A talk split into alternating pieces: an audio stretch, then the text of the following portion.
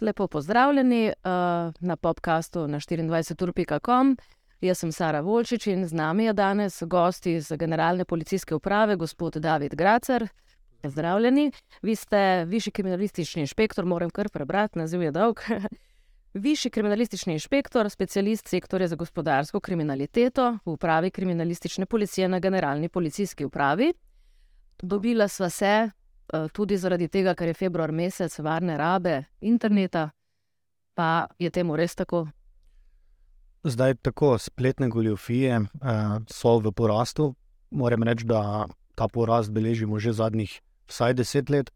Pričemer, naprimer, v deset let nazaj, naprimer, smo na letni ravni beležili tam okrog nekaj deset teh zadev uh, in tudi nekaj deset tisoč evrov škode naprimer od leta 2020 naprej, pa beležimo to, to število kaznjivih dejanj v nekaj sto in pa škodo v nekaj uh, milijonih. Naprimer, uh, v letu 2020 je bilo 400 kaznjivih dejanj, skoraj 5 milijonov evrov škode, uh, 2021 600 kaznjivih dejanj, več kot 12 milijonov evrov škode, in pa lani, naprimer. Uh, okrog tisoč, malo manj kot tisoč kaznjivih dejanj in pa skoraj 20 milijonov evrov škode, kar pomeni, da je v tem času pandemije uh, uh, res por, uh, v porastu. Uh, skupaj je tam nekje okrog 2000 teh prijav in pa skoraj 40 milijonov evrov škode. Ampak številke so zastrašujoče. Ves čas opozarjate, ne samo vi, številne nevladne organizacije. Skratka, ves čas uh, informacij o tem, ne, kaj vse se skriva na internetu, pa vendar se zdi, da ljudje mislijo, da ja, meni se pa to ne more zgoditi. Ja, rekel bi, da morda je to uh, zaradi, zaradi tega, ker pač spletni goljufi imajo različne pristope, različne načine, uh, načine oškodovanj. Uh, to tudi v policiji nekako popredalčkamo, uh, glede, na, glede na način storitve. Tako da poznamo veliko uh, oblik teh kaznjivih dejanj, eh, teh načinov storitev, eh, in pa seveda vedno se spomnijo tudi nek, nekaj eh, nekih novih, ne, novih oblik. Po podatkih statističnega urada v bistvu je res velika večina prebivalcev že na internetu, pri otrocih nekakšen manjši odstotek. Velik del odraslih gre na internet večkrat na dan. Ne? Mislim pa, da je problem mogoče ne najbolj, kar se tiče goljofij mlajših generacij, ampak predvsem starejših. Tako v bistvu, kar se tiče oškodovanja po, po, po starosti, bi rekel, da so starejši oškodovani običajno uh, starejše ženske uh, pri romantičnih goljofijah ali pa nigerijskih goljofijah, so starejše, uh, starejši ljudje. Uh, drugače pa pri ostalih pa ne beležimo nekih posebnih vzorcev, tako da je lahko oškodovan nekdo, ki je mlad, uh, srednjih let ali pa tudi starejši. Mhm. Pa uh, posla, teh goljofij je veliko, naj skupin tudi, tako da predlagam, da pogledava in greva dejansko. Uh, poslali ste mi lep razpored, namreč na začetku omenjate, recimo, investicijska vlaganja, naj podatek za lansko leto. 236 zadev ste obravnavali, škoda 7,8 milijona evrov. Pa povejte, kaj so to za tiste, ki so ta hip na internetu, pa so morebitni oškodovanci, novi oškodovanci, ne? kaj se dogaja v investicijskih vlaganjih. Ja, tukaj v bistvu res nastaja največja eh, materialna škoda. Uh, največ zadev, ki jih obravnavamo, v bistvu se nanaša na vlaganje sredstev v uh, virtualne valute. Tukaj pač imajo ljudje občutek, da se da najverjetneje zelo hitro pa zelo uh, zaslužiti. Uh, naprimer, v enem izmed primerov, ki smo ga obravnavali, je oškodovanec v bistvu v začetni fazi sam iskal po spletnih brskalnikih neke možnosti za investicije v kriptovalute, in potem je v nadaljevanju. So se mu že na družbenih medijih, naprimer na Facebooku, vidite, da, so, da oglasi delujejo na način, da nam prikazujejo tisto, najprej se nam prikazuje tisto, kar sami iščemo. Ne. Se mu je zelo hitro pojavila neka možnost za vladanje sredstev v eno, v delnice ene izmed znanih, znanega proizvajalca vozil. Na tisto je kliknil, vnesel je ime, priimek in pa telefonsko številko. In v bistvu je zelo hitro potem dobil telefonski klic nekoga, ki se je na drugi strani predstavil kot nek broker. Iz tujine? Iz tujine, tako klic je bil iz tujine, govoril je v angliško in je v bistvu mu ponudil zelo dobro ponudbo mu je dal, da bo pač v veliki dobički z temi vložki, pri čemer je pač želel, da si na računalnik namesti eno aplikacijo, da lahko z njegovim računalnikom tudi upravlja. Zdaj tukaj bi pač poudaril, da je to velik znak, da, da lahko gre za goljofijo, kajti to, da nekdo upravlja z tvojim računalnikom, je dosti podobno, kot da ga v bistvu spustiš v stanovanje. Uh -huh. Mhm. Tako da. Se pravi, če tu opozorimo, čim nekdo prosi, da namestiš neko aplikacijo na svoj računalnik, Tako. to bom rekla, že rdeča lučka, mora začeti svetiti. Sigurno rdeča luč. ne. Um, in potem, uh, ja, v nadaljevanju ga je, ga je prosil, da, si, da mu pošlje tudi uh, osebni dokument, fotografijo osebnega dokumenta. Uh, zdaj, za tem osebnim dokumentom je spletni go- goljuf v bistvu v imenu oškodovanca odprl de, virtualno denarnico. Uh, Kaj to pomeni za tiste, ki ne vejo?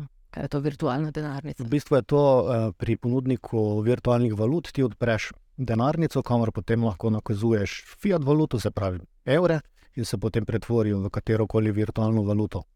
In to pomeni, m, da je v bistvu spletni goljuf imel tudi nadzor nad to denarnico, se pravi, kam bodo sredstva poslana v nadaljevanju. Istočasno pa je odprl na eni izmed pač teh lažnih spletnih platform uh, njegov profil, kjer mu je potem tudi lažnivo prikazoval te dobičke. Se pravi, v začetni fazi mu je pač rekel, da bi vložil 250 evrov, in teh 250 evrov je bilo nemudoma vidnih na teh lažni spletni platformi, in čez nekaj dni je že bilo 300 evrov, 400 evrov. In pač ker je videl ta oškodovanec, da sredstva rastejo, seveda se je odločil za še večje vložke, pri čemer je na neki fazi je potem uh, želel tudi izplačilo tega. Ne? In je to mu spletni goljuf tudi ponudil, se pravi, nek del mu je tudi izplačal, nekaj tisoč evrov, vse z namenom, da bi pač seveda še več vložil. ne. Um, tako da tukaj je za opozoriti, da je to del taktike spletnih goljufov ne, uh, pri investicijskih vlaganjih, da tudi nekaj, neki del izplačajo. Je pa treba vedeti, da to sploh običajno niti njihov, ni njihov denar, ampak denar od drugih oškodovancev. Ne. Aha, ker je več takih, Ker pač ko hkrati ne. Več, pravi, več takih, ko hkrati vlagajo, in potem pač od enega oškodovanca nakaže na drugega, od tega pa na njega, in potem pač ta misli, da je dejansko prišlo do nekega zaslužka. Ne. In kako daleč to gre? Je? V bistvu sta ta dva, naprimer, bila na vezi uh, več kot leto dni, in v tem času mu je nakazal skupno več kot 500 tisoč evrov. V času oškodovanec. Tako. Uh, v bistvu mu je tako, tako, že tako zaupal, da, je, da mu je dovolil dostop do njegove spletne banke, in si je potem uh, storilec sam prenakazoval sredstva. In enostavno jih je potem v tisti spletni platformi prikazoval kot, kot dobičke. Tako da v času prijave, naprimer, je bilo na spletni strani napisano, kot da ima 700 tisoč evrov na voljo. In koliko jih je imel v resnici? Nula. V resnici je tista spletna stran samo z namenom, da se prikazujejo dobički, sredstva grejo pa drugam. Eh, To me zanima, je ta oškodovanec najemal kredite ali je imel preprosto toliko denarja? Kako globoko grejo potem oškodovanci? Ne, Veliko krat, ja, veliko krat so to krediti, prihranki, krediti, sposodijo si tudi pri svojcih, tako da so, potem hkrati več oškodovanih, ne samo ta, ki zadevo prijavi. Rekla, šok je zelo velik. Ne? Če misliš, da imaš 700 tisoč evrov, pa ugotoviš, da nimaš niti enega evra. Ja, ja, šok je velik. Ja. To so verjetno težke stvari, pa gremo nazaj. Kako bi lahko ta oškodovanec, oziroma kaj bi moral ne, delati vmes, preveriti, uh, ne, da ne bi padel v to Ja, zanko. Znaki za, znaki za to vrstne goljofije so nedvomno to, da ponujajo velike zaslužke, naredijo vse na mesto tebe, nič ne rabiš, samo daš svoj denar. Uh, potem, da se želijo priklopiti na tvoj računalnik, da upravljajo z njim, da želijo, da jim daš dostop do spletne banke. Uh, to so, to so taki, taki znaki, ki se jih je potrebno izogibati. A je v tem primeru, ne spoznam se na te kriptovalute, ampak ta dejavnost je legalna, recimo, če ti s tem uh, operiraš. Ja, seveda je legalna, pač lahko kupiš kriptovalute, z njimi posluješ, se pravi, jih kupiš, ko so nekje poceni, jih dražje prodaš in potem na tak Ampak način. kako vedeti, kdo je pravi in kdo ni pravi? Ne? Uh, človek, ne, recimo, kdo te bo goljofal, ker pač ne, tu bi se sama jaz zgubila v prvem koraku že. Ne? Tisti, ki, tisti, ki na tak način to oglašujejo, da bo v zelo kratkem času zelo velik dobiček, še se ni izkazalo, da bi bili pravi. Ne? Tudi v realnem svetu, realni svet ne deluje na način, da bo nekdo dal na voljo vsem, da bi kar zelo hitro, pa zelo zaslužili. Ne? Se pravi, eni, eni zelo služijo, ostali pa pač manj ali pa zelo malo. Ne? In zato je potrebno tudi delati, ne, ne pa um, samo dati na voljo neka sredstva, pa v kratkem času obogatiti. To ni, ni realno. Ne? To so že tiste piramide, ne? ko ni bilo pač interneta, so bile te denarne piramide Tako, isto. tako, če v živo. obogateli, Ja, uh, ne vem, tisoč jih je uh, tako, osiromašilo. točno tako. Ja. Ja. Dobro. Uh, investicijska vlaganja, potem so pa v bistvu uh, goljofije, govorimo o vdorih v elektronsko pošto. Ne? Zdaj, vsi, ki tudi službeno delujemo, dejansko imaš nešteto določenih mailov, ne, ne hote kaj odpreš, kaj vse, ne? kako ti vdori delujejo. Ja, običajno so tukaj na udaru eh, družbe, poslovni subjekti, organizacije, um, ki mednarodno poslujejo. Uh, spletni goljufi poskušajo vdreti v elektronsko pošto, v strežnike, če jim to uspe. Potem, uh, naprimer, v enem izmed primerov, ki smo ga obravnavali, uh, je neka slovenska družba uh, poslovno sodelovala že več let z nemško družbo. Uh, spletni goljuf je prestregel to elektronsko pošto, zanaliziral, ugotovil, da je že bilo med njima kar nekaj poslov predhodno, pri čemer je bila slovenska družba vedno kupec, nemška družba pa prodajalec. Opazil je, da se pripravlja zopet nek, nek posel, in zato je potem naredil tudi zelo podoben elektronski naslov, kot ga je uporabljala nemška družba. Tukaj je pač treba vedeti, da mogoče spremenijo samo eno črko, naprimer tisto, ki ste si podobni, na mesto A, ja, O ali pa na mesto I, ja, L, ali pa samo kratica drugačna, na mesto .net.com. Naprimer. In tega potem slovenske, slovenska družba, oziroma ta, ki je pač bil zadolžen za ta posel, ni opazil. Uh, in spletni goljuf mu je v bistvu poslal tisto končno dokumentacijo, kjer so, kjer so bili podatki za plačilo. Um, zato je tudi potem slovenska družba nakazala več kot 200 tisoč evrov na napačne račune. Se pravi, v predhodnih poslih je nakazovala na nemške račune, v tem primeru pa potem na tri različne ra, eh, bančne račune v Veliki Britaniji. Um, zdaj tukaj eh, bi upozoril, da se da opaziti to, oziroma eh, pri, priporočamo, da vkolikor pride do sprememb bančnega računa, da se to preveri, ampak ne po tej poti, kot, kot, kot že poteka nek pogovor, ampak mogoče še najboljše po neki drugi poti, naprimer po telefonu ali pa na nek video klicu, ne? ali Da videoklicu. veš, s kom govoriš. Tako, ali pa na nek stari, eh, starejšo eh, komunikacijo eh, po elektronski pošti. Naprimer, ne. Mhm. um, kajti na tak način se to nič ne stane, če preverimo. Ne. Uh, lahko pa drago stane, če ne preverimo, pa gre na napačne račune. Kajti, naprimer, v tem primeru uh, so bili imetniki teh računov nigerijski državljani, ki so v Veliki Britaniji odprli bančne račune in so potem tudi zelo hitro dvignili gotovino. Tako da je bila ta družba slovenska oškodovana. Se pravi, veliko upozorilo je, tudi če sodeluješ, ne biti pozorni. Ne, mi avtomatično, ne se računalnik si zabeleži, recimo neko pošto, ne, in če je malo spremenjeno, ti pokaže. Ne. Se pravi, tu smo zelo malo pozorni, tudi sama sem. Ne, preprosto dobiš, odpreš, ne, vsi smo v naglici, ampak verjetno naglica ni uh, dobrodošla tu. Ne. To je res težko opaziti, no, ampak ni pa tako težko opaziti, če nekdo spremeni uh, bančni račun. Ne. To je pa potem čist nekaj drugega. Dosti krat se goljufi ne potrudijo tako zelo, da bi bil sploh bančni račun v isti državi, ampak je v neki drugi državi ali pa ne vem, tudi tretji državi. Ampak vseeno jim uspe. Ne.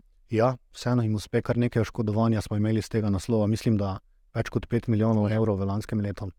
Uh, kje pa so ti računi, v bistvu kam potem slovenska podjetja nakažejo ta denar, kje, kje, kam se steče ta denar? Običajno so to neki tuji računi, ki jih pač spletni goljufi pridobijo. Uh, to so računi tako imenovanih denarnih mul. Uh, denarne mule pač delujejo po navodilu teh spletnih goljufov, običajno je pač cilj, da čim prej dvignejo gotovino ali pa naredijo prenakazilo. Ne? In z tem onemogočijo, da bi tisti, ki je oškodovan, uh, dobil sredstva povrnjena, pa prikrijejo, iz kje uh, prihaja ta izvor. Tako da mi v bistvu te uh, denarne mule preizkujemo kot storilce kaznivega dejanja. običajno je to pranje denarja. Um, poznamo pa več tipov teh denarnih mul. Lahko gre, običajno gre za to, da je pri, v Sloveniji oškodovanec in je potem ta denu, denarna mula v tujini, to je približno 80-90% primerov. Lahko je pa oškodovanec v tujini, pa potem denarna mula v Sloveniji. Se pravi, da v tujini preiskujejo neko, neko spletno goljofijo, pa se denar steče na naš račun. Tako da v teh primerih mi, mi imamo zakonodajo, da lahko v bistvu uh, zamrznemo račun, uh, potem to mulo preiskujemo in potem tudi omogočimo, da so sredstva vrnjena oškodovancu. To seveda oškodovance največkrat najprej zanima, ali bom lahko dobil sredstva naz povrnjena nazaj. Um, tukaj je pač treba povedati, da je prvi pogoj to, da, da so sredstva še vedno na računu. Če je račun slovenski, potem seveda si mi pomagamo z Uradom za preprečevanje pranja denarja, ki ima to možnost, da banki odredi blokado računa, potem pa mora policija tudi pridobiti odredbo sodišča. Ampak pač tak je postopek, ampak nam uspeva. Ne? Uh, zdaj nekje neke letne statistike, sicer tukaj nimamo, ampak v okviru raznih operacij, v katerih sodelujemo, naprimer Europolova, EMA, uh, European Money Mule, Action Days, uh, tukaj smo že pet ali šest let uh, vključeni v to zadevo. Uh, ugotavljamo, da naprimer, uh, smo uspešni tam 20 do 30 odstotkov, kar se tiče zavarovanja teh sredstev. Ampak prvi pogoj, tako kot sem rekel, da so sredstva še na računu. Uh, to je pa zelo odvisno od tega, ali bo oškodovanec in kdaj bo oškodovanec to prijavil. Ne? Če bo prijavil naslednji dan po nakazilu, je zel, še zelo velika možnost, potem se pa z vsakim dnem bistveno zmanjšuje. Kako pa oškodovanec kdaj ugotovi, ne? da pač so ta sredstva poslana nekam? Ne? Ja. Je goljofija zadaj, kako sploh to ugotovijo? Moram reči, da pri različnih oblikah goljofij tudi potem različno a, reagirajo. Naprimer, govorila smo zdaj o investicijskih goljofijah, pa o, o teh vdorih v poslovno pošto. Tukaj razmeroma pozno ugotovijo.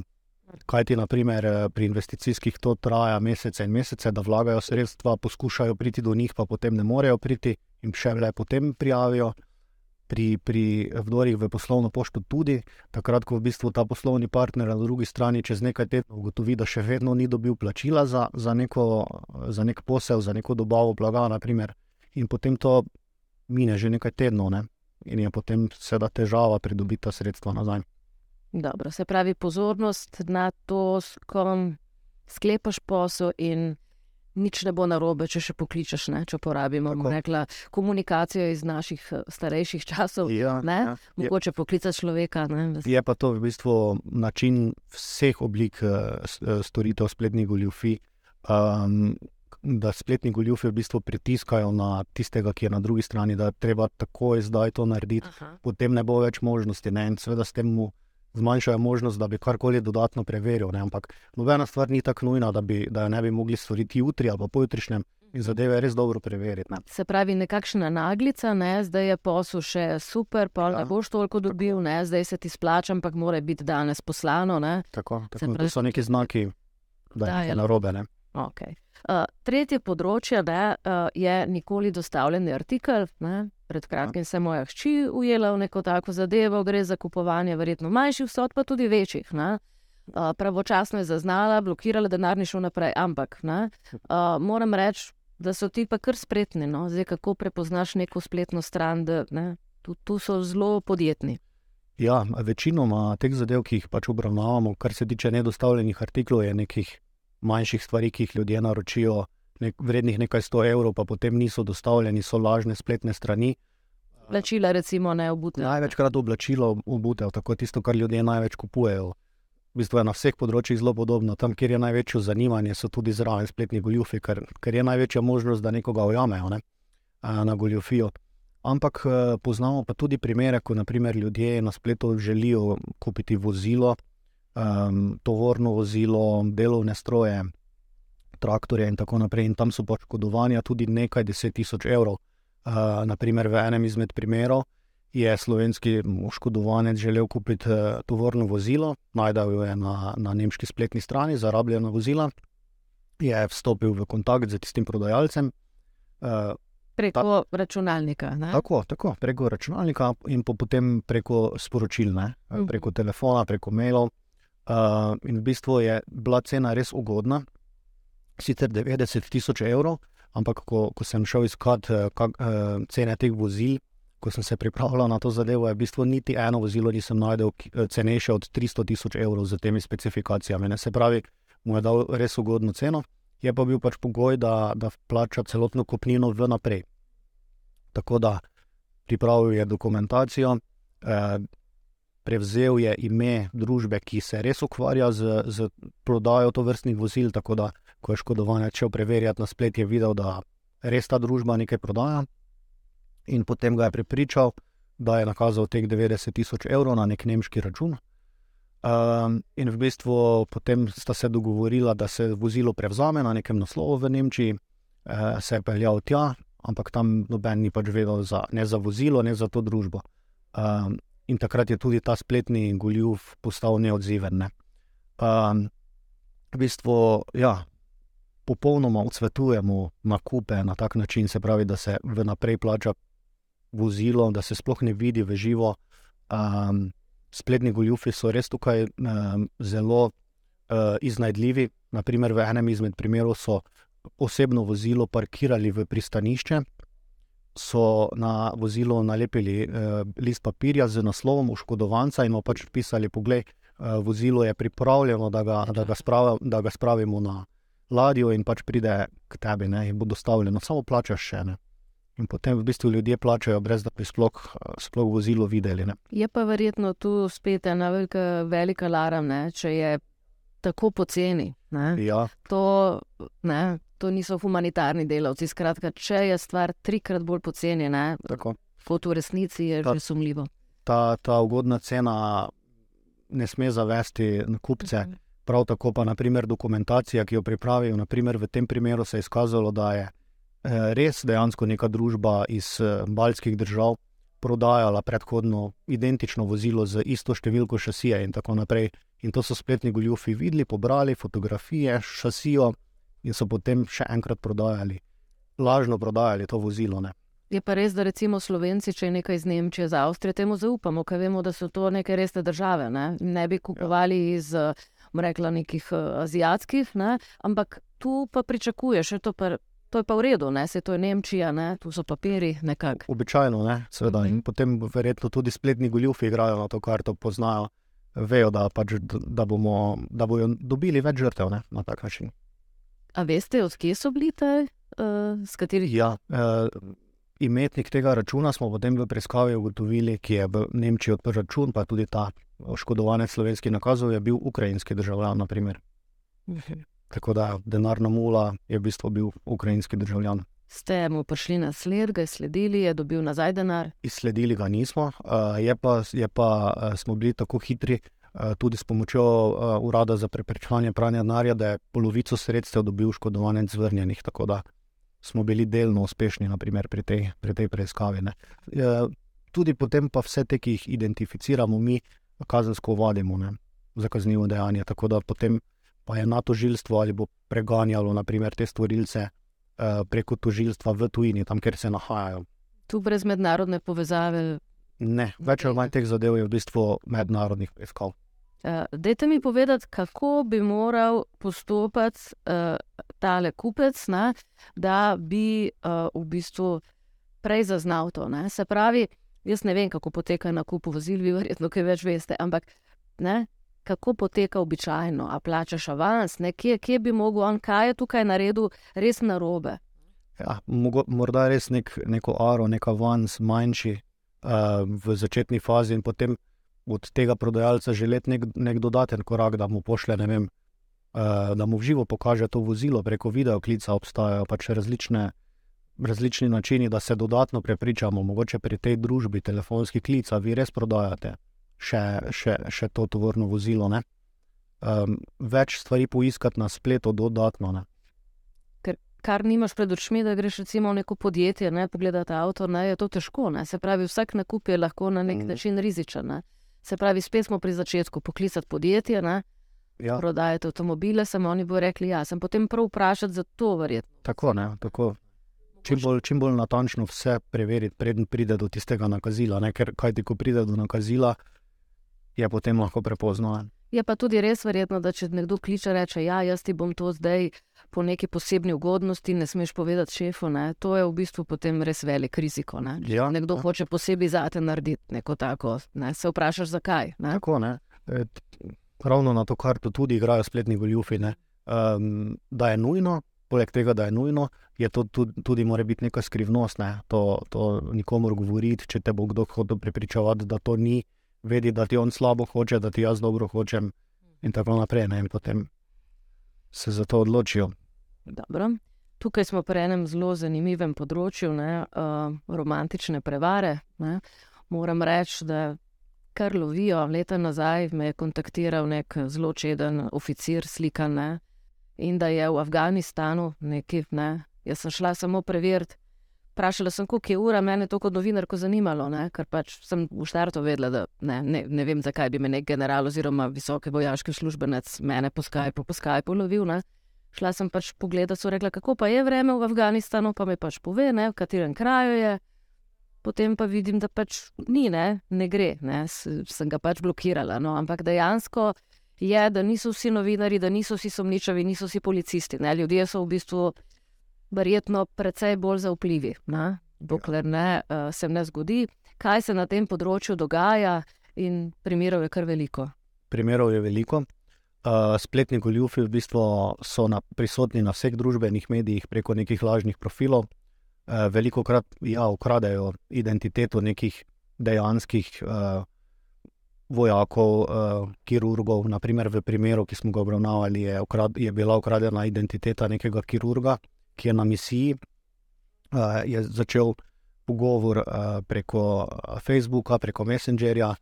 Um, in v bistvu po enem mesecu pogovorov, izkazovanja ljubezni, pošiljanja fotografij sebe, otroka, njegovega otroka in tako dalje, je prvič zaprosil to oškodovanko, starejšo žensko, uh, za denar, uh, pod pretvezo, da njegov sin praznuje rojstni dan in da mu on iz tiste vojaške baze v Iraku, kjer je trenutno ne more poslati darila in je pač žalosten.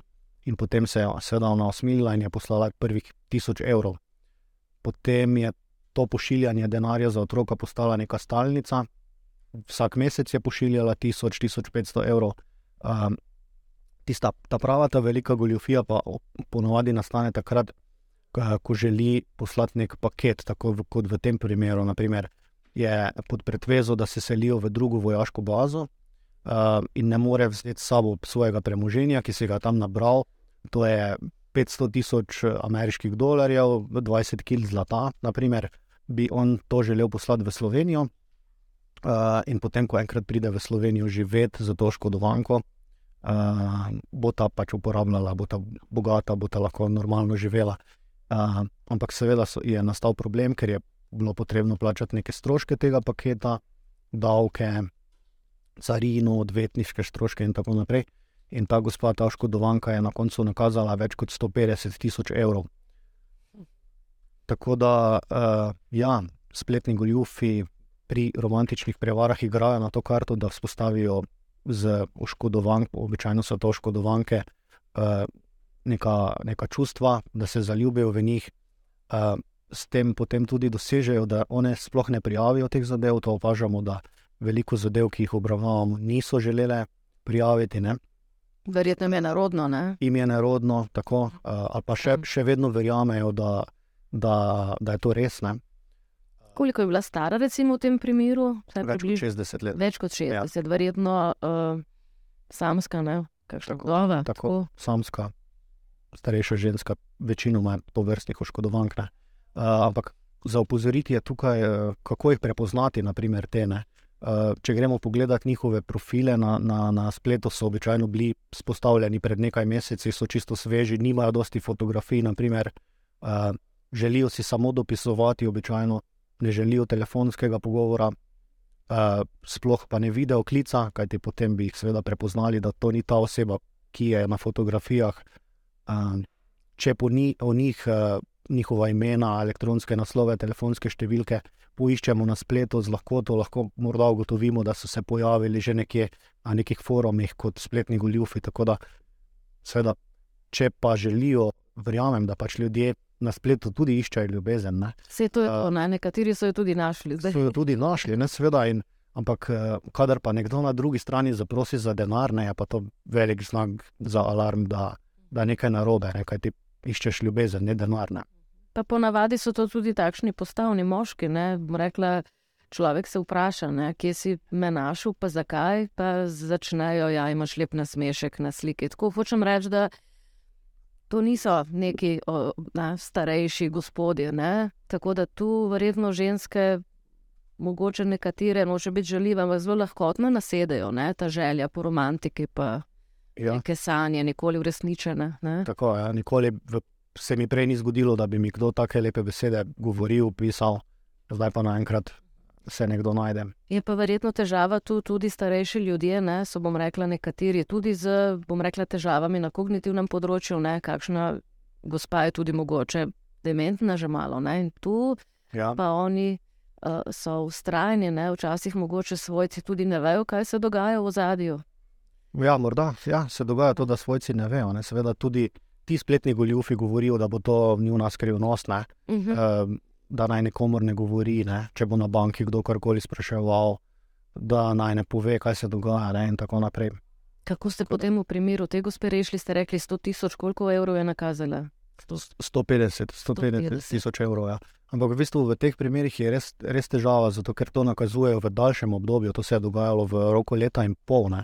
In v bistvu je ta denar bil, je že bil dvignjen iz računov, ne. šel je pa po celotni Evropi. Ne.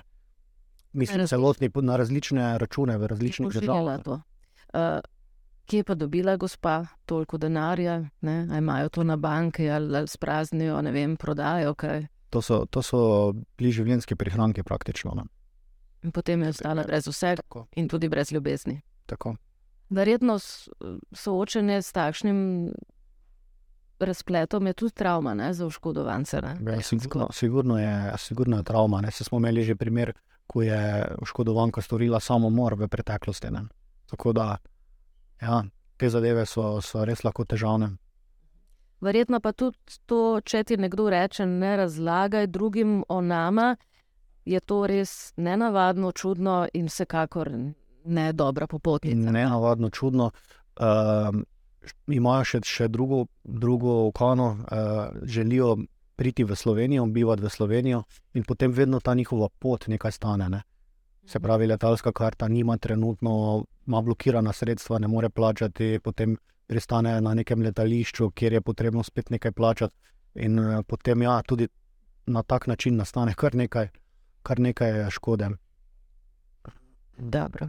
Opozorilo je, se pravi, ja, prijateljstvo lahko se rodi tudi ljubezen na tisoč in en način, ampak uh, uh, Ne slepo zaupati, ne, ne vsakemu, kar zaupati, sploh pa mu ne pošilja denarja. Ne, je, mogoče pa pri starejših tudi takšno navodilo, kot ga imamo pri mlajših. Ne? Nič ni narobe, recimo svojci, da kdaj malo pobarajo, tudi pogledajo. Ne vem, ne? A veste, eh, dejansko starejši ljudje so rasli gor v času, ko se je reklo, je bilo na televiziji, torej je res. Ne? Oni nimajo tega vedenja, da lahko marsikaj pristane tudi na televiziji, v časopisu, v tem. Nekako verjamejo. Ne? To, to njihovo zaupanje je verjetno tudi problem, ne? ker so živeli v času, ko vsega tega ni bilo. In če tam je, če je slika, je to to. morda jim je tudi nerodno pred svojci, da jih kaj takega sprašujejo, ne, da so se zaljubili na spletu. Naprimer.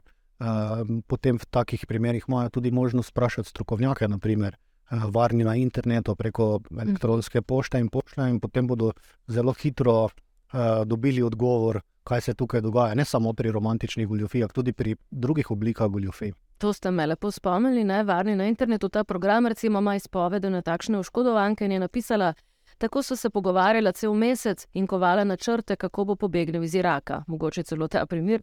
Vse je bilo tako realistično, pogovori, dogodki.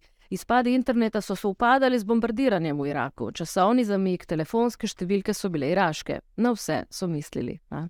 Tako da uh, tisti najbolj eh, pregnani, verjetno.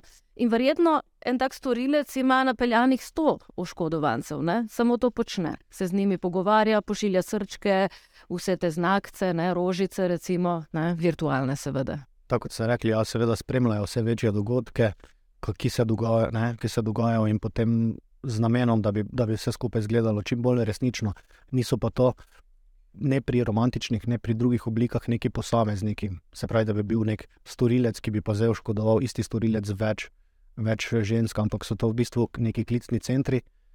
Kjer delujejo ti storilci kot organizirane združbe. Tja hodijo v službo, tako kot mi hodimo v službo, v pisarno, vsak ima svoje področje dela. Naprimer, nekdo išče, nekdo pošilja elektronsko pošto, nekdo išče nove žrtve, nekdo se začne pogovarjati z njimi, potem jih prevzame drug, eh, ko, ko, ko pride do tistih transakcij in tako naprej. Tako da to, to, to izvršujejo kriminalne združbe praktično. Kje pa so? To je pa dobro vprašanje.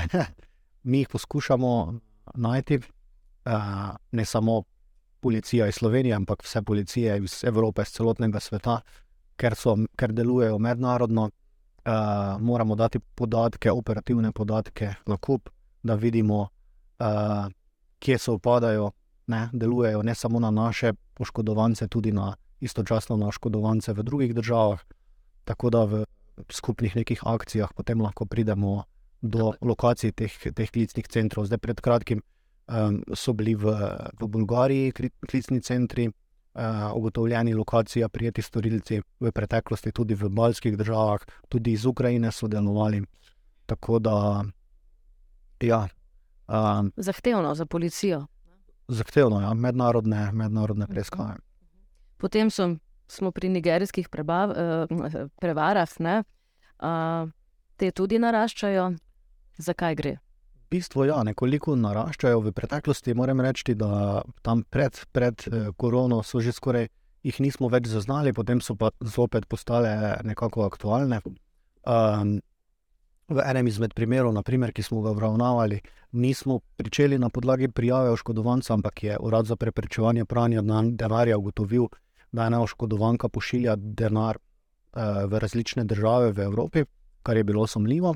Um, kaj ti, na primer, namen uh, teh transakcij so bile donacije. To je pač ena izmed takih uh, uh, indicev, da, da je nekaj narobe, da bi lahko šlo za oškodovanje. Uh, v teh primerih policija potem uh, naredi razgovor z tem pošiljateljem ne, in ugotovljeno je bilo, da je ta oškodovanka dobila neko ponudbo uh, o donaciji 500 tisoč ameriških dolarjev, vkolikor bo seveda plačala davke in tako naprej. Eh, in je potem ta, ta gospa skupaj nakazala 170 tisoč evrov, zopet na različne račune. Eh, v nadaljevanju smo ugotovili, da so nekateri ti računi eh, dejansko odprti strani nigerijskih državljanov, zdaj ti nigerici. Običajno prihajajo nekam v Evropo z, z tem namenom, da odprejo bančni račun, prejmejo sredstva, jih dvignejo v gotovini in potem preko Western Uniona pošljajo na točno določen naslov, se pravi, ki jim ga navedejo ti spletni goljufi oziroma organizatori. Um, tako da ja, v tem primeru je v bistvu v obdobju treh let se to dogajalo, ne? to pošiljanje sredstev, ampak ta gospa niti ni imela namena tega prijaviti. Se pravi, ko smo mi govorili z njo, je potem komaj videla, da je to, da je to ta zadeva, ne? da je oškodovala. Meni se vedno znova poraja vprašanje, kako pridejo oškodovanci do denarja. Ne? To je bila verjetno tudi gospa starejša. Tudi starejša, ja porabljajo svoj denar, eh, denar od moža, denar od prijateljev, eh, posvojila. Ker te pošte, recimo, da si zadev milijon in zdaj nekdo ti hoče zapustiti eh, neko dediščino. Ne? Ja. Se vprašaš, zakaj meni ne poznava se, ne vem, kdo si, ne? zakaj bi meni podaril pol milijona evrov. Večina ljudi se, se to vpraša, to je res. Ampak spletni goljufi to pošljajo na tisočere, na milijone elektronskih naslovov, In potem se vedno najde nekdo, ki reče: O, kako fajn, da glih jaz sem pa to dobil. Ne? Ne? Ampak ne vejo pa, da je to v bistvu tako mail prejelo res ogromno ljudi. Uh, in seveda tisti, ki se odzovejo, so že potencijalni oškodovanci. Ne? Tu je pa verjetno še težje ne, priti do storilcev oziroma do denarja. Ne. Če to, ki ga pošiljaš v enem letu, ja. 1500, ne, to je verjetno. Daljše časovne obdobje in to je to je težava. Ja. To smo ta spem pošta, uh, to naj ljudje preprosto zbrišajo. Tako. Tako. Če to dobijo, izbrišajo, nič ne odgovarjajo in, in vse bo v redu. kako prepoznamo, recimo, uh, da dejansko, ne, kaj so tisti znaki. Ne? Se pravi, dobite pošto od neznanega pošiljatelja, ki vam ponuja visoke vsote denarja. Kaj se mora človek pri tem vprašati? Najprej, zakaj? Ne? Ja, eh, to je značilno za te nigerijske pošte, da že v samem začetku ponudijo res ogromno vsoto denarja, ki pač redke, ampak, ampak jih premami. Ne? In potem mislijo, da okay, še vedno dobim 500 tisoč evrov, ampak, ali pa v nekih primerih več milijonov. Si lahko privoščim, da se mogoče sposodim od nekoga teh 10 tisoč evrov, pa mu itak potem vrnem, ko dobim. Uh, in potem ni, ni pa to naenkrat nakazilo 170 tisoč evrov. Najprej je manjši zneski, potem pa se ti več, zneski večajo. Potem so pri področju, uh, kjer se lahko ujame tudi kdo, ki je dejansko v stiski. Ne? To so lahko tudi ranljive skupine, ljudje, bom rekla, z uh, uh, socialnega rekla, obrobja. Ne? To je najem kreditov. Marsikdo nima pogojev, ima neko finančno stisko, gre na banko, ga lepo odslovijo, ker ima preniske dohodke. Ne? In tu verjetno naletite pa na take, ki Tukaj smo imeli kar nekaj oškodovanja, uh, mislim, da nekje okrog 90-100 tisoč evrov v lanskem letu. Naprimer. Uh, in uh, v bistvu, ja, tukaj gre za ljudi, ki na banki uh, običajno ne morejo dobiti kredita, niso kreditno sposobni. V enem izmed primerov je oškodovanec na spletu iskal možnosti za kredit. In dosti podobno kot v prejšnjem primeru, ki sem ga opisoval pri investicijskih goljofijah, se mu je potem uh, v družbenem omrežju pojavil oglas eh, ugodnega kredita, na katerega je kliknil, spostavil je komunikacijo z finančnim svetovalcem. Eh, zdaj ta je iskal kredit v višini 60 tisoč evrov. Eh, ponud, eh, finančni svetovalec mu je ponudil ugodno obrestno mero, tako da bi v bistvu pri 60 tisoč evrih preplačal samo 2 tisoč evrov. Um, seveda, to se mu je zdelo zelo ugodno, uh, ampak potem so v nadaljevanju postali dodatni stroški, se pravi, zavarovanje kredita je bilo takoj 2000 evrov, eh, stroški odvetnikov in tako naprej. Tako da je ta oškodovanec potem plačal 20 tisoč evrov, dobil pa ni, ni, ni. Um, tukaj znaki za, za, te, za te lažne kredite so, so, to, so te ugodne obrestne mere. Uh, vsekakor ne zahtevajo prav nobene dokumentacije, uh, nobenega, da, si, da, da so ljudje zaposleni uh, nobenega zavarovanja drugega. Tako da uh, to so taki znaki, da se ne sklepa kreditov na, na, po, po tej poti na spletu. Skje so pa ta podjetja, recimo, to morajo tudi imeti neko spletno stran? Ne? Ja, naredijo zelo lepo spletno stran, vse te spletne strani ni, te, ni težava narediti, teh, uh mhm. teh strani je stotine na spletu. Uh, denar pa gre potem zopet na neke račune v tujino, na denarne mule, Eh, pri čemer pa spletni goljufi prikazujejo, da je pač prejemnik neka banka, ki, ki je pripravila že to kreditno pogodbo, da bo do sredstva nakazana na račun uh, tega oškodovanca. Se pravi, vse zgleda zelo legitimno. Ne? Dokumentacija, ki je pripravljena. Se tu hoče vprašati, dejansko ti danes imaš tudi z bankami, ki delujejo v Sloveniji že veliko let, je najem kredita vse zdaj prek klikov. Ne? to tudi jaz lahko naredim, recimo, če sem kreditno sposobna. Ne? Kako prepoznati, da ne med enim in drugim? Ne? Ja, morda naprimer, eh, pri teh bankah, eh, ki so navedene na tisti dokumentaciji, eh, dodatno preveriti po elektronski pošti na uradni elektronski naslov te banke, ali je to res pogodba, ki so jo oni pripravili. Naprimer. Ker tu smo pa tudi pri enem drugem načinu goljofije, kot je pa iz tvoje banke, pa dobiš nek mail, da nekaj ne štima in da moraš dati. Uh, svoj račun, ne? tudi Tako. to, ne? se pravi, ukradejo identiteto banke ne? in potem. Tako to je pa v zadnjem obdobju zelo, zelo aktualno. E, ogromno to vrstnih primerov obravnavamo. E, v lanskem letu blizu 100 primerov z oškodovanjem, tam 1,6 milijona evrov približno. E, ja, spletni goljufi pošiljajo tako elektronsko pošto kot SMS sporočila. Naprimer, v enem izmed primerov je oškodovanec dobil elektronsko pošto, kjer je pisalo, da mora posodobiti eh, podatke v njegovi spletni banki. Priložen je bil pa link do spletne strani. Eh, zdaj, banke so že večkrat opozarjale javnost, da nikoli ne pošiljajo elektronske pošte ali kakršnih koli obvestil, ker bi bilo potrebno klikniti na nek link. Ne. Uh, in to je ta oškodovanec storil. Uh, kliknil je na link, odprla se mu je spletna stran, ki je izgledala identično kot uh, spletna banka, njegova spletna banka. Uh, vnesel je uporabniško ime in geslo, in to geslo in uporabniško ime je bilo nemudoma poslano s spletnim goljufom, ki so ga v realnem času v bistvu uporabili za vstop v dejansko spletno banko. Zato je tudi ta oškodovanec dobil šestmestno uh, kodo, ki jo je ponovno vnesel in jo poslal spletnim goljufom, in na tak način so lahko vstopili v njegovo spletno banko in mu tudi ukradli 30 tisoč evrov, naprimer v tem primeru. Uh, sredstva so bila pa nakazana na nek tuj račun. Je dobil nazaj ta sredstva? Uh, ne, v tem primeru ni dobil. Uh, so pa tukaj primeri, ko res hitro oškodovanci ugotovijo, da so, da so bili oškodovani, zadeve prijavijo in potem smo tudi lahko uspešni. Včasih, ko dobiš neko pošto, je mogoče, to sem tudi prebrala, za biti pozoren na slovenščino. Ne? Včasih gre za prevode ja. in se lahko tukaj ujamejo neke nenavadne besedne zveze. Ne? Tu smo lahko. Ne? Lahko bi jih našli tudi v teh elektronskih uh, sporočilih. Uh, še težje, morda jih je pa najti v SMS sporočilih, kratkih SMS, tu je nekaj besed samo napisanih in pa zopet povezava. Eh, na katero se klikne in potem vnese. Niso, niso samo v imenu bank, v preteklosti so bili v zadnjem obdobju tudi v imenu Fursa, čež da bodo ljudje dobili povr, nek, nek del davka povrnjenega in potem zopet povezava, na katero so kliknili, Mhm. vnesli davčno številko, telefonsko številko. Te podatke lahko spletni goljufi uporabijo, naprimer za namestitev flik aplikacije in potem preko tega ukradejo sredstva. Hm. sredstva.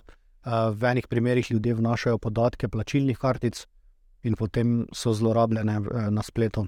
Tako da na tak način s tem ribarjenjem prihajajo, Phishing, ne? Je to- phishingov, Ja. tako prihajajo do, do teh podatkov, ki so pač lahko zlorabljeni. Ker je treba včasih mogoče malo razmišljati. Ne? Furs nas ne bo spraševal po davčni številki, ker našo davčno številko že ima. Banka nas ne bo spraševala po bančnem računu, ker naša banka ima naš bančni račun in naše podatke. Ne? Tako, Če da ne bi imeli računa.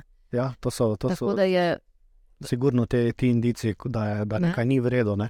Uh, tako da tukaj priporočamo, da spletne banke uh, na, uporabljajo na način, kot vedno, se pravi, ali preko aplikacij ali pa z vnosom naslova v, v brskalnik, ne preko klikov na povezave. Ja, ja, se pravi, ne preko maila, pa tja, ne, tako, oziroma dajati kakršne koli podatke. Verjetno, če od, od, kdo od nas terja podatke, osebne računov, česar koli, mogoče je fajn, da, da, da preverimo. Ne. Tako, preden, preden, preverimo, preden kliknemo, preden Tako, pošljemo. tako. Če pa že kliknemo, ne, včasih človek refleksno nekaj klikne. Ne. Če pa že kliknemo, če nekomu pošljemo, je potrebno vedeti, če nekomu pošljemo ne vem, osebno izkaznico, kopijo, lahko jo zlorabi za odprtje nekega bančnega računa, računa kriptodenarnice, karkoli, ne, njegova identiteta lahko potem zlorabljena nekje na spletu. Ne. Se pravi, če naredimo nekaj, ne, za kar nismo prepričani, da je v redu, uh, potem javimo to policiji, pokličemo takoj, "G- kdo je tisti, a veste, kje naj jaz preverim zdaj, zgodilo se mi je nekaj, nisem prepričana, ali je to v redu, ali je za. Ne? Tako lahko naprimer, eh, se ta stvar pošlje tudi na varni na internetu, kjer bojo Mhm. preverili, ali je, so že prejeli takšno pošto, ali gre za kakšne sumljive spletne strani, spletne goljufe. Če pride do oškodovanja, se pravi, da so neka sredstva nakazana, pa čim prej zadevo prijaviti policiji. Uh, tu smo, phishing sva povedala, se pravi, uh, ja, uh, zamenjave gesel ne, so tudi v bistvu zamenjati geslo. Če, če, če slučajno smo dali nekomu geslo, ne, pa preden ugotovimo, res je fino, da si ga zamenjamo, ne, če ugotovimo. Tako, či, Pa da je to nedelja popovdne. Ne, da, čim prej zamenjati geslo, so pa tudi seveda na banki na voljo 24 ur poklicati. To se mi je zgodilo, pa potem blokirajo eh, račun, blokirajo plačilno kartico, da ne pride do oškodovanja. Te stvari je verjetno težko preiskovati, ali je dobro, da hranimo to pošto, jo, jo zbrišemo, ne? kako naj se obnaša nekdo, ko je sredi neke morebitne goljufije, ne? kaj naredi s stvarmi. Ne? Verjetno ni fajn, da to vse zbriše, ker mu je narodno, ker ga je sram. Ne? Ne, nedvomno te zadeve hraniti, jih tudi priložiti k, k sami prijavi, kajti to so. Tukaj noter so lahko operativni podatki, ki potem policijo v preiskavi vodijo do, do storilcev. Uh, eno splošno vprašanje. Dejansko vi kot policija opozarjate že leta, ne? stvari pa še vedno naraščajo. Kje mislite, da je težava? Ne? Zdaj, težava je sigurno to, da so pač spletni goljufi zelo iznajdljivi, da najdejo neke nove načine, uh, spremljajo, kaj se dogaja na spletu. Uh, sploh pa to, da pač množično iš, iščejo neke množice, kjer vedno najdejo nekega, nekega oškodovanca. Ne.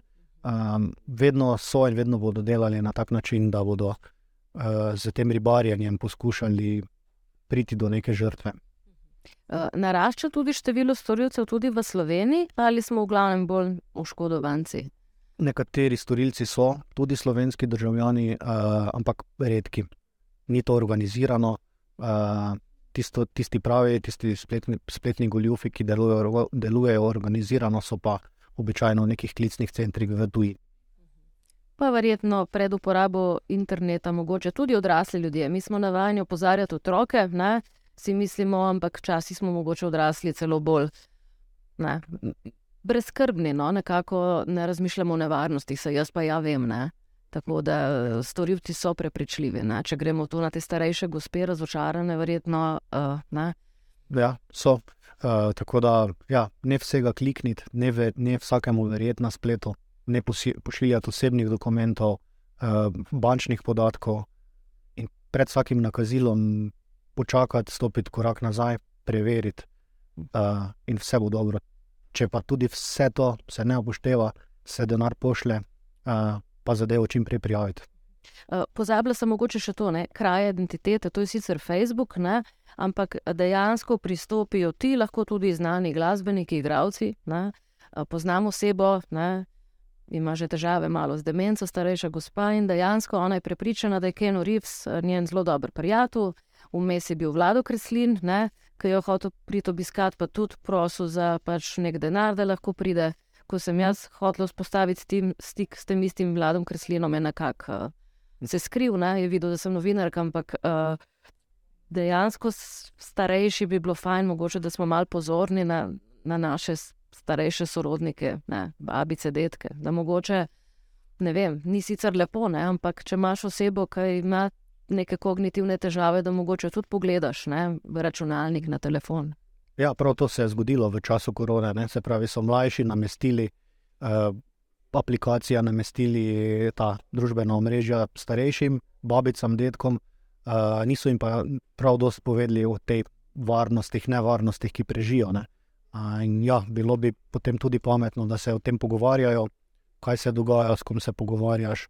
Uh, in morda bi lahko kako stvar preprečili ali razvijate kot policija aplikacijo, da bo prepoznala neko napravico na internetu, da jih bo že v štartu polovila in jih blokirala. Zaenkrat ne, zaenkrat ne, smo pa v raznih, uh, raznih aktivnostih, uh, projektih Europola, Interpola in si pomagamo tudi z njihovimi kakimi rešitvami. Tako da sodelujemo na tak način s tujimi varnostnimi organi. Verjetno pri nas smo rekli okoli 20 milijonov evrov v lanskem letu, ne, oškodovan.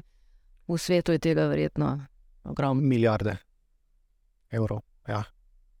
Tudi letos, naprimer, ni zaenkrat nič boljše, še vedno je porast. Uh, tam nekje okrog 140 primerov in 2,6 milijona evrov je bilo škode pri nas. Že v letošnjem letu. Že v letošnjem letu do sedaj, ja. tako da se rast nadaljuje. Upajmo, da bomo tudi z vašo pomočjo ne, nekoliko uspeli ustaviti trend, ne, da bo kdo mogoče dvakrat pomislil z vsemi nasveti koristnimi, ki ste jih dali. Res hvala lepa za vašo, vaše, vaš čas in vaše sodelovanje in res koristne nasvete za vse nas. Hvala vam. Ja. Jaz se vam zahvaljujem, dragi gledalci, poslušalci, in resnično upam, pomislite dvakrat, tudi če vam pošilja nek zelo lep mladenič slike iz naftne ploščadi premislite, preverite, morda da ni vse tako lepo, kot zgleda. Hvala lepa.